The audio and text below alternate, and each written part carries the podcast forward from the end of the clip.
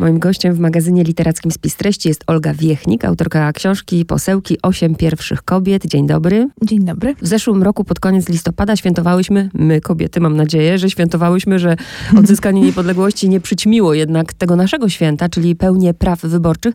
I pytanie, czy stąd właśnie był pomysł na zajęcie się tym tematem? Tak, poniekąd tak. Ja jeszcze dwa lata temu tak zastanawiałam się, czy coś będzie też, y, będzie się mówić o kobietach przy okazji tej rocznicy, czy jednak tylko o mężczyznach i wojnach i, i, walkach. Czytając sobie wokół tego tematu, dowiedziałam się po raz pierwszy, że, że w tym pierwszym Sejmie było osiem kobiet. Były to pierwsze kobiety, które z tych praw wyborczych skorzystały i uświadomiłam sobie, że nigdy wcześniej nic na ten temat nie słyszałam. Bo uczy się w szkole, że te prawa dostały, chociaż je wywalczyły, ale o tym, co potem, już nic. I to mnie wciągnęło w ten temat, że no jednak jest jakiś obszar historii, o którym nic nie wiemy. Nie ma ulic, nie ma pomników, pracowań zbyt wielu.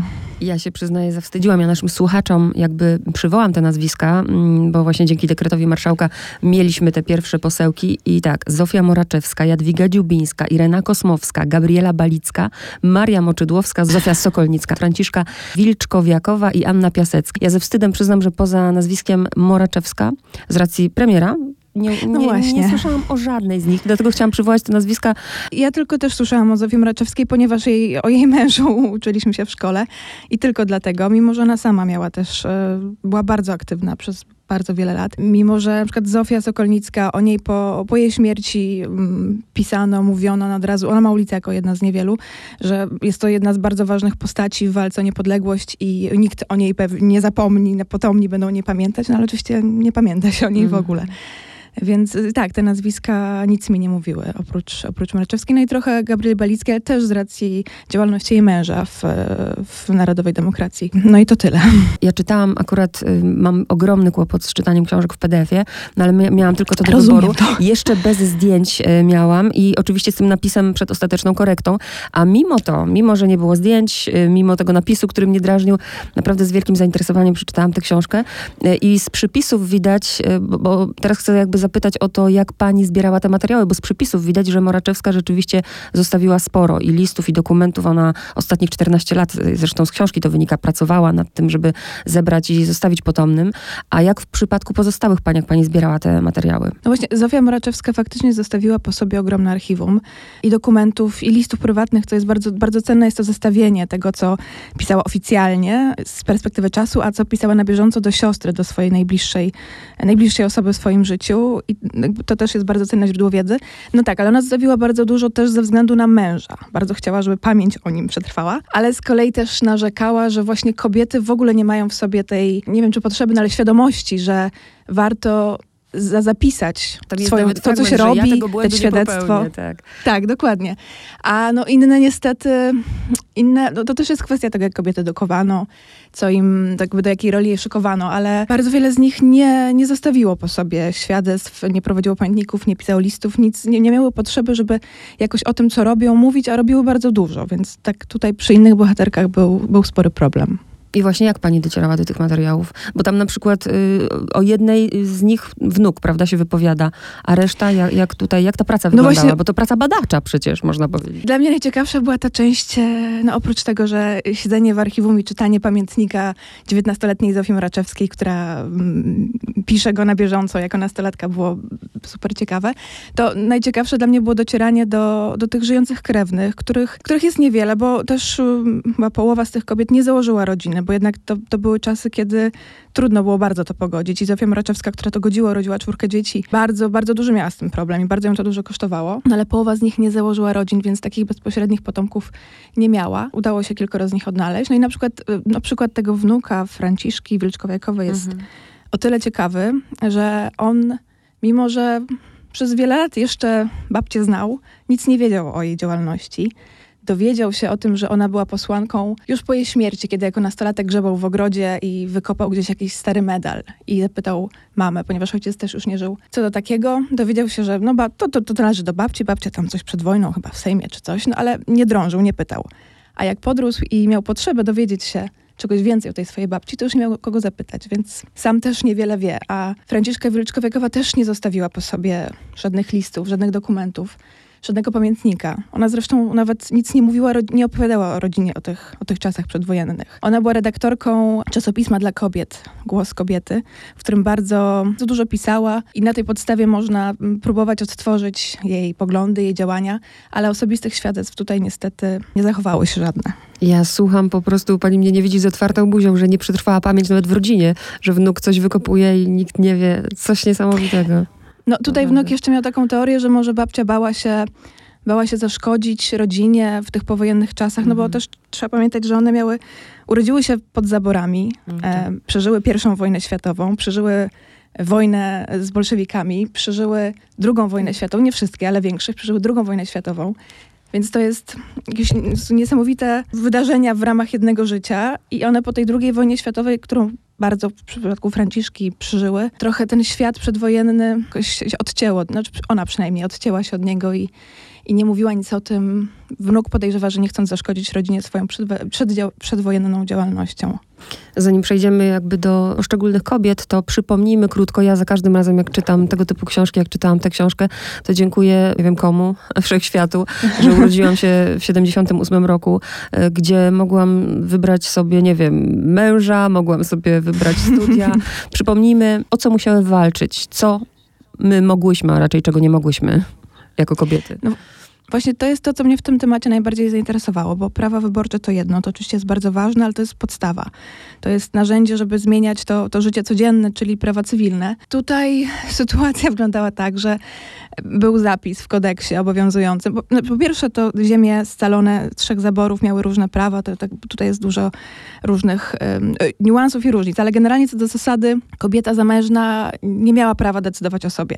W kodeksie istniał zapis o tym, że musi być posłuszna mężowi. W praktyce to może znaczyć wszystko. Oprócz tego były też przepisy mówiące, że bez zgody męża nie może podjąć pracy, że jeśli pracuje, to nie dysponuje swoimi zarobkami. Jeśli mąż się przeprowadza, ona bez dyskusji przeprowadza się z nim, jakby nie ma żadnego udziału w decydowaniu o sprawach domowych. Oczywiście w poszczególnych małżeństwach mogło to różnie wyglądać, ale prawo daje bezwzględną przewagę mężczyźnie, łącznie z opieką nad dziećmi. Rozwody nie były możliwe, bo były tylko śluby kościelne. Oczywiście radzono sobie z tym różnie, no ale jeżeli kobieta decydowała się odejść od męża, to nie miała prawa do, nie miała nawet możliwości walczyć o opiekę nad dziećmi, a jeżeli kobieta niezamężna urodziła dziecko, to prawo zabraniało jej wprost dochodzenia ojcostwa była skazana tylko na siebie, a też moralność społeczna, obyczajowa nie traktowała takich kobiet dobrze. One były w bardzo, bardzo trudnej sytuacji. No i najbardziej zabolało mnie to właśnie, że porównywano nas, kobiety, do małoletnich albo niepełnosprawnych. Osób, tak, które, tak, tak. nie wiem, nieświadome są w ogóle tego, co mówią, robią. Tak, nie są w stanie podjąć żadnej decyzji dotyczących siebie, co już nie daj Boże dzieci. Tak, no ale ja z kolei też pracując nad tą książką, e, co chwilę łapałam się na tym, jak z jednej strony dużo się zmieniło, ale z drugiej wcale nie. Mm -hmm. I oczywiście prawa są inne, ale bardzo często jakieś schematy myślenia zostały takie same. Właśnie o tym mm, chciałam powiedzieć, o schematach i stereotypach, a jeszcze do nazewnictwa, bo był problem e, z tym, jak mówić, prawda, posłanki i, i ta nazwa poślice, która źle się kojarzy. Tak, ona była zresztą trochę tak złośliwie używana tak, tak. w kontekstach takich, że żeby właśnie trochę ośmieszyć. Też, bo były posłanki, pos, pose, poślice, posełki i też posłowie kobiecy. To takie miało być nobilitujące, że jednak tak, ten poseł bardziej niż e, od żeńskiej formy. No więc próbowano na różne sposoby. Ale... Zostały posłanki, ale posełki są wyjątkowo dla mnie jakieś takie urokliwe. A z drugiej strony właśnie to, o czym pani mówi, że niewiele się zmieniło, że nawet my kobiety, które walczymy o prawa, to jednak jakby nie było, same kobiety wolą, jak się mówi, pani poseł a nie posełki. Właśnie z tymi żeńskimi końcówkami to jest strasznie dziwna sprawa, bo one naprawdę były w powszechnym użyciu. E, te 100 lat temu. I nikt nie robił problemu, że się mówiło profesorka czy doktorka, no lekarka, no to teraz już się przyjęło, ale bardzo wiele form, które wtedy były używane, dzisiaj jak ktoś ich użyje, to zaraz słyszy, że coś wymyśla i w ogóle przy język mm. tak nie działa, jak tak można. No i to, to było od początku, one bardzo z tym walczyły właśnie, nie tyle, znaczy z jednej strony z jakąś mę męskim szowinizmem, arogancją, lekceważeniem, ale też z tym, że same kobiety są swoim wrogiem, no to też tutaj dużo by mówić o tym, jakie wychowywano, ale, ale one przede wszystkim próbowały te kobiety zaktywizować, przekonać, że mają, mogą samodzielnie myśleć, mogą samodzielnie podejmować decyzje e, i bardzo narzekały też na ich bierność. Jeszcze o kompozycję chcę zapytać, bo też jest ciekawa. E, tak zostanie, rozumiem. I czy to był zamysł jakby pani, czy wydawnictwa, że jakby mamy historię Zofii Moraczewskiej przeplataną tymi historiami pozostałych posełek? To był pomysł, który pojawił się na etapie zbierania materiałów, kiedy ja zobaczyłam ten tą ogromną dysproporcję w tym, co Zofia Moraczewska po sobie zostawiła i w tym, co zostało po innych. I, i taki sposób opowiedzenia, wydaje mi się, pozwala... Historie poszczególnych e, posełek, też niektóre bardziej e, szczątkowe, inne bardziej rozbudowane, E, z jednej strony pokazują stan wiedzy, czy stan ich świadomości o tym, co, co robią, jak to jest ważne, ale no, po, pozwala też e, dopełnić ten obraz. Znaczy mam jedną główną historię Zofii Moraczewskiej, która, która najbardziej osobiście o, o swoim życiu opowiada. Tam może najwięcej poznać jej takiej wewnętrznej walki i codziennych, codziennych zmagań, a te kolejne bohaterki mm, uzupełniają tą historię o różne, różne aspekty, różne perspektywy, bo też są z różnych partii politycznych, też jednak mają różne poglądy na różne kwestie. Bardzo, bardzo fajny pomysł. I z uwagi na ograniczony czas, na pewno nie jesteśmy w stanie powiedzieć o każdej. Ja zresztą po to zachęcam w spisie treści do czytania, żeby y, słuchacze sami przeczytali, ale y, o Zofii Moraczewskiej rzeczywiście należy się tu parę słów. Myślę, że te dusze aktywistki to ona wyniosła już z domu, a potem ze szkoły. Y, powiedzmy o tym szczególnym, o to jest właśnie ten moment, o którym pani mówiła, że przecież ojciec zmienia pracę, jedzie do Wiednia, matka musi jechać za ojcem i zostawiają ją w Lwowie i duży wpływ ma tutaj na, na nią pani Wysłołuch. Tak, pani Wysłołuchowa, aktywistka E, działaczka ludowa, która to bardzo mocno ta, ta nauka w Zofii została, która przekonywała te dziewczynki na pensji, że muszą uczyć się mówić. Mówić w takim sensie, wyrażać, e, wyrażać swoje poglądy, nauczyć się argumentować te poglądy, żeby mieć głos, żeby nie dać go sobie odebrać. I Zofia potem całe życie o tym pamiętała i, i sama też tego potem uczyła, jak w latach 30, późnych 20. założyła Związek Pracy Obywatelskiej Kobiet, taką bardzo dużą organizację e, kobiecą. Tam członkinie, powiedzmy wyższe, bo ich w ogóle było bardzo dużo w całej Polsce, ale te, te, te, w centralach e, miały obowiązek raz w tygodniu przygotować jakiś krótki referat i go wygłosić. To było takie ćwiczenie, ćwiczenie mówienia, ćwiczenie argumentowania, ćwiczenie obrony swoich poglądów i czy walki o swoje potrzeby. E, jeżeli chodzi o Zofię Moraczewską, jeszcze właśnie o niej się dowiadujemy najwięcej, też o jej uczuciach. Bardzo mi się podoba ta notatka, którą zaczyna się książka, yy, pokazująca jak kobieta. I to jest z jednej strony mnie to też denerwuje, bo jak ona wyszła za mąż, to ona powiedziała, że zadba o to, żeby ten dom był jak najlepszy i widać. Trzy pary kalesonów, tak, żeby... trzy pary skarpet, a tu dopuszczanie kobiet do stanowisk. Takie realia życia miała. Jednocześnie musiała wszystkim się zajmować, ale, ale też wa walczyć o coś więcej. Ale chciała, bo ona nawet powiedziała, do siostry chyba pisała w jednym liście, że ona wreszcie w momencie, kiedy mąż zaczyna robić karierę, że ona się czuje więźniem. Więźniem w domu, więc y, myślę, że takie rzeczy, takie, mm, tak, taką duszę się chyba też z domu wynosi, prawda? No tak, no nie wystarczało jej to, to, co myślała na początku, że będzie jej wystarczać, że to witanie męża i pocałunkiem, zdejmowanie trosk z jego czoła. Myślała, że to jej będzie wystarczać, ale jej to nie wystarczało. Miała, miała większe potrzeby, jak no, bardzo, bardzo wiele kobiet. I walczyła o to, żeby też je realizować. No, ponieważ opieka nad dziećmi w całości jednak, oczywiście tam jakiś mm, służąca kucharka, to też inaczej wyglądało, ale no mąż, tam jest też taki fragment, kiedy ona pisze z goryczą do siostry, że mąż zabrał córkę do cukierni, już jest najwspanialszym ojcem i wystarczy, jakby koniec jego obowiązków mm. ojcowskich. Tak. I to też myślenie tak do końca się zmieniło w wielu, w wielu rodzinach. Więc no po prostu ona potrzebowała czegoś więcej. Ja zawsze, jak właśnie jak, jak czytałam te wszystkie listy, to myślę, kiedy podziwiam tę kobietę, kiedy ona znalazła na to wszystko czas, a poza tym ciężka historia życiowa, bo przecież wszystkie swoje dzieci pochowała, pochowała męża. A mimo wszystko pod koniec życia pisze, że gdyby to życie zaczynało od nowa, to w całości poświęciłaby właśnie walce, prawda? Tak, tak, tak, tak. O, o kobiety, tak. żeby same siebie też potrafiły um, obronić, tak. Ona też miała przekonanie, tutaj się zostawiła taki testament e, do kobiet e, pod koniec życia, bo miała przekonanie, że no bo że to jest absurd, że jest nas połowa społeczeństwa, a tak nikłą mamy reprezentację decyzyjną, a po drugie, no mężczyźni już pokazali, do czego doprowadzają męskie rządy, no i czas, żeby kobiety też się włączyły w decyzje i tak. Gdyby teraz słuchacz sobie zadał pytanie, no ale jakim cudem one się znalazły w tym Sejmie, to powiedzmy, nie, nie przypadkowo, ale na pewno ka każda z nich Balicka, weźmy taką Balicką, bo ona najdłużej chyba miała 16 lat, prawda, mhm. kadencję. Tak, tak, ona była najdłużej posłanką. No ona wcześniej polityką się nie zajmowała. Gabriela Balicka e, była naukowczynią, była pierwszą e, kobietą, Polką po studiach botanicznych, jedną z, pierwszą, z pierwszych z doktoratem. Oczywiście za granicą te studia odbyła, bo w Polsce nie było to jeszcze możliwe. Ona była żoną, Zygmunta Balickiego, który razem z Romanem Dmowskim budował Narodową Demokrację. Też za jej pieniądze, ponieważ ona miała rodzinny majątek. Jej mąż nie musiał pracować, mógł tworzyć mm, podstawy teorii ruchu narodowego, ale po 20 latach, kiedy jej majątek się skończył, on stwierdził, że no, to małżeństwo przestaje go satysfakcjonować, odszedł, krótko potem zmarł. No i gdy przyszło do wyborów, to Roman Dmowski zaproponował jej miejsce na liście. Tutaj też się można zastanawiać, czy trochę chodziło o to, że jednak to nazwisko było mu potrzebne, czy jednak doceniał jej wkład. W każdym razie ona się w tym Sejmie znalazła i, i, i pracowała w nim bardzo ciężko.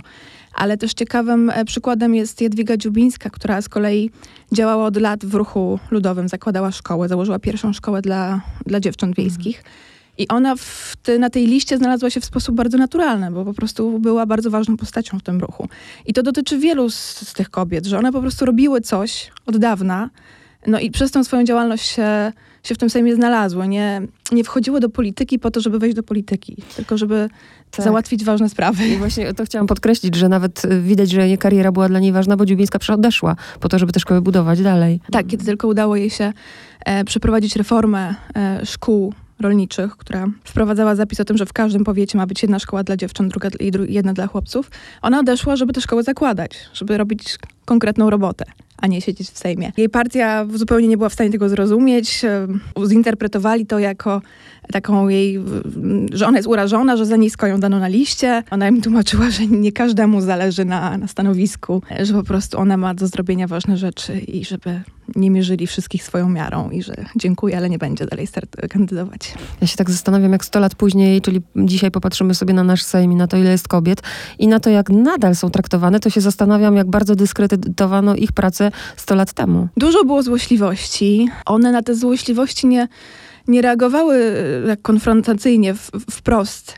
Może jeszcze nie były na to gotowe, może nie chciały potwierdzać takiej jakiejś opinii, że te feministki to tak, takie coś awanturują strasznie, bo oczywiście ten taka negatywny wydźwięk tego słowa od początku został mu gdzieś przy, przypisany. Więc one raczej tam w kuluarach na te żarciki reagowały półuśmiechem, zbywały to i po prostu robiły swoje ale było dużo i żartów, i też takich wprost y, opinii o tym, że no, to, to jest absurd, że kobiety są w Sejmie, że no, jakieś baby weszły do parlamentu, że ja w ogóle jak to wytłumaczyć komukolwiek, y, że o, po co one tam. No też przykład ustawy, tej bardzo ważnej ustawy o zmianie y, prawa cywilnego, o którą one przez dwa lata walczyły i udało się ją w końcu wprowadzić też niecałościowo, ale ale udało się. Podczas debaty nad, nad tą ustawą też słyszały o tym, że no, że są ważniejsze sprawy. Znaczy cały czas słyszały i dzisiaj też słyszymy, że są ważniejsze sprawy. No już przecież są w tym Sejmie, więc o co mi chodzi? Żeby już dały spokój. No i na, na co dzień się tym, z, tym, z tym spotykały.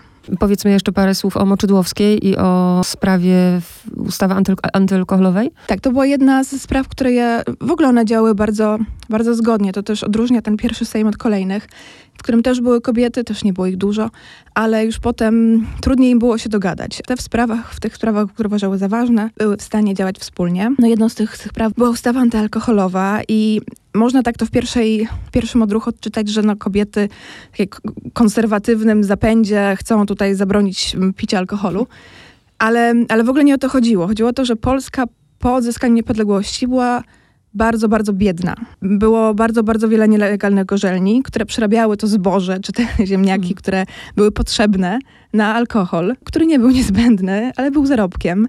Więc one z tym walczyły. Poza tym jako kobiety najlepiej, naj, naj, najdotkliwiej odczuwały skutki alkoholizmu, bo nie mogły odejść od mężów, nie mogły ochronić swoich dzieci, mogły tylko w tym trwać. To stało za, za ich walką o to, żeby żeby ten alkohol ograniczyć. E, całkowitej prohibicji nie udało im się wprowadzić, ale i tak bardzo znacznie sprzedaż alkoholu ograniczyła. Ale to, to był w Polsce tuż powojennej bardzo duży problem społeczny. I, I to o to chodziło. Y, Ten moment właśnie nie, nie pamiętam tej kąśliwości, ale też było, kiedy posłowie szli do bufetu, y, to mówili, że idą na, jak to było? Tak, na, na, na szybkie moczydłowskie. No właśnie. Tak, no, tak, tak, wiesz, tak, tak, gdzie- więc tutaj ona się tego nasłuchała trochę, ale, ale nic sobie z tego nie robiła. że ten pierwszy Sejm i to wspólne działanie, ta solidarność kobiet. Ja myślę, że gdybyśmy my, kobiety, właśnie były tak solidarne, to zresztą to było widać niedawno. Hasło parasol wszystko powie, Tak. że dużo możemy razem zrobić. Gdzieś ta solidarność teraz umknęła, a na koniec podsumujmy jeszcze, bo już pani o tym jakby wspomniała, ale jeszcze raz to zbierzmy, co im się, znaczy nie chcę mówić słowa udało, bo tu się nic nie udało. Co wywalczyły? Co dzięki nim dzisiaj mamy? No, w takim praktycznym wymiarze yy, na tamte czasy to zmieniły wiele zapisów prawa cywilnego, które bardzo zmieniały sytuację kobiet. Ale też, e, też prowadziło wie- wiele bardzo nowoczesnych też na tamte czasy zapisy w, zapisów w ustawach socjalnych chroniących e, matkę, pracę kobiety, chroniących kobiety w okresie macierzyństwa, chroniących dzieci. Też ta ustawa antyalkoholowa. No i one też, no, to, że konstytucja, którą pracował ten Sejm, nie wycofywała się z tych, e, z tych, tych praw dla kobiet, jest bardzo ważną kwestią. Dwie z nich pracowały w Komisji Konstytucyjnej. To, że jest tam zapis o tym, że wszyscy obywatele są równi, który potem nie był respektowany w wielu innych ustawach. No ale to też, to, to, to, to ma ogromne znaczenie. Ale dla mnie też ważną bardzo sprawą jest, e, to może brzmi banalnie, ale dały przykład. To znaczy kobiety widząc kobiety w Sejmie, kobiety widząc kobiety, które coś robią, mogą uwierzyć, że ich miejsce jest nie tylko w domu, w kuchni, przy dzieciach. I, I dopóki się czegoś nie zobaczy, to, to tak się nie do końca wierzy, że to może istnieje. Więc to, że, że one to robiły po prostu, to jest strasznie ważne. Ja cały czas jak e, rozmawiamy, to aż wszystko mi się gotuje w środku. Chyba, nie wiem, mam jakąś feministyczną duszę, bo sobie nie wyobrażam po prostu, że ja musiałabym, nie wiem, prosić o zgodę mężczyznę, że mogę pracować albo oddawać mu własne zarobki, więc mówię, nie wiem, kim bym była, gdybym była w tamtych czasach. Ale jeszcze o, Tak. o pensję chcę zapytać, no bo przecież em, dzisiaj wiemy, co też nóż mi się w kieszeni otwiera, że nadal nie ma równości, nadal kobiety na tych samych stanowiskach zarabiają mniej. No to jak było z tymi dietami poselskimi? E, Diety poselskie akurat, e, akurat tutaj nie było nierówności,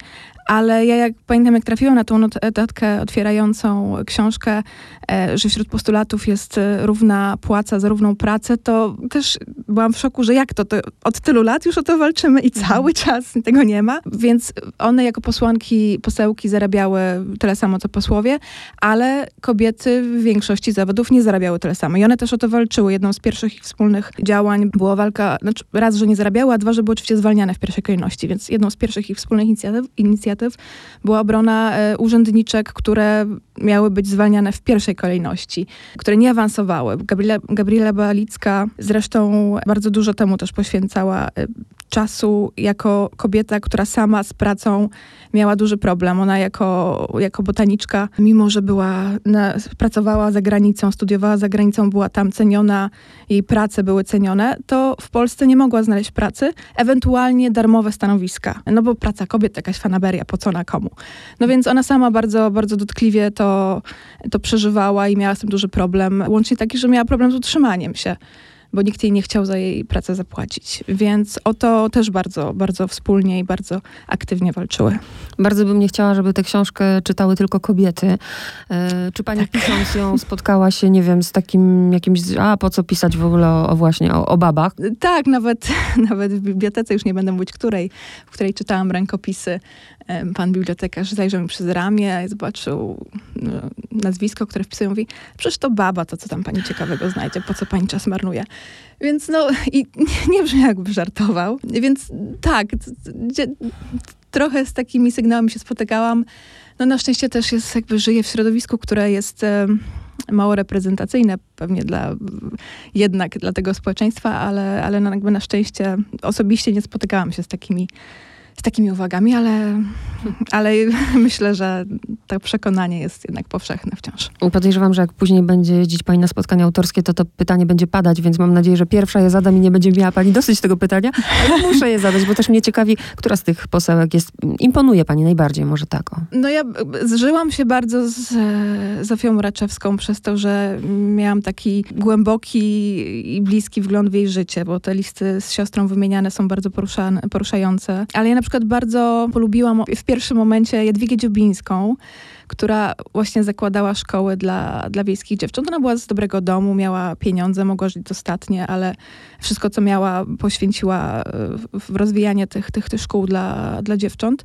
Znaczy, to jest też o tyle ważne, że ta wieś była przeludniona, wieś była biedna, więc te, te kobiety mogły albo tam klepać tą straszną biedę, albo iść do miasta, gdzie pracowały jako służące, czyli praktycznie niewolnice w ówczesnych realiach, albo na ulicy pracować jako prostytutki, więc ta, ta praca taka no, u podstaw powiedzmy była super ważna, a ona też do niej wspaniale podchodziła, bo nie chodziło tylko, żeby nauczyć te kobiety pracy, ale też myśleć.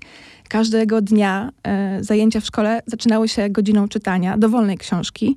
Dziewczynki miały sobie siedzieć, czytać, miały swój zeszyt, w którym miały notować jakieś myśli, które im podczas tej lektury przychodzą do głowy, jakieś swoje przeżycia i po prostu potem o tym rozmawiano. Więc takie pełne zrozumienie tego, że no jednak myślenie jest tak podstawową kompetencją człowieka. Myślę, a nie to tak, piękne. Tak, to tak, piękne, tak, tak. Więc no, ona, ona takim była Wszystkie były wrażliwymi, mądrymi e, kobietami, ale to, to, to jak ona podchodziła do tej, do tej edukacji, tych, zwłaszcza, że to były wiejskie dziewczynki, które no, bardzo wielu, łącznie z kościołem, niechętnie nie, nie myślało o tym, że nagle zaczną myśleć.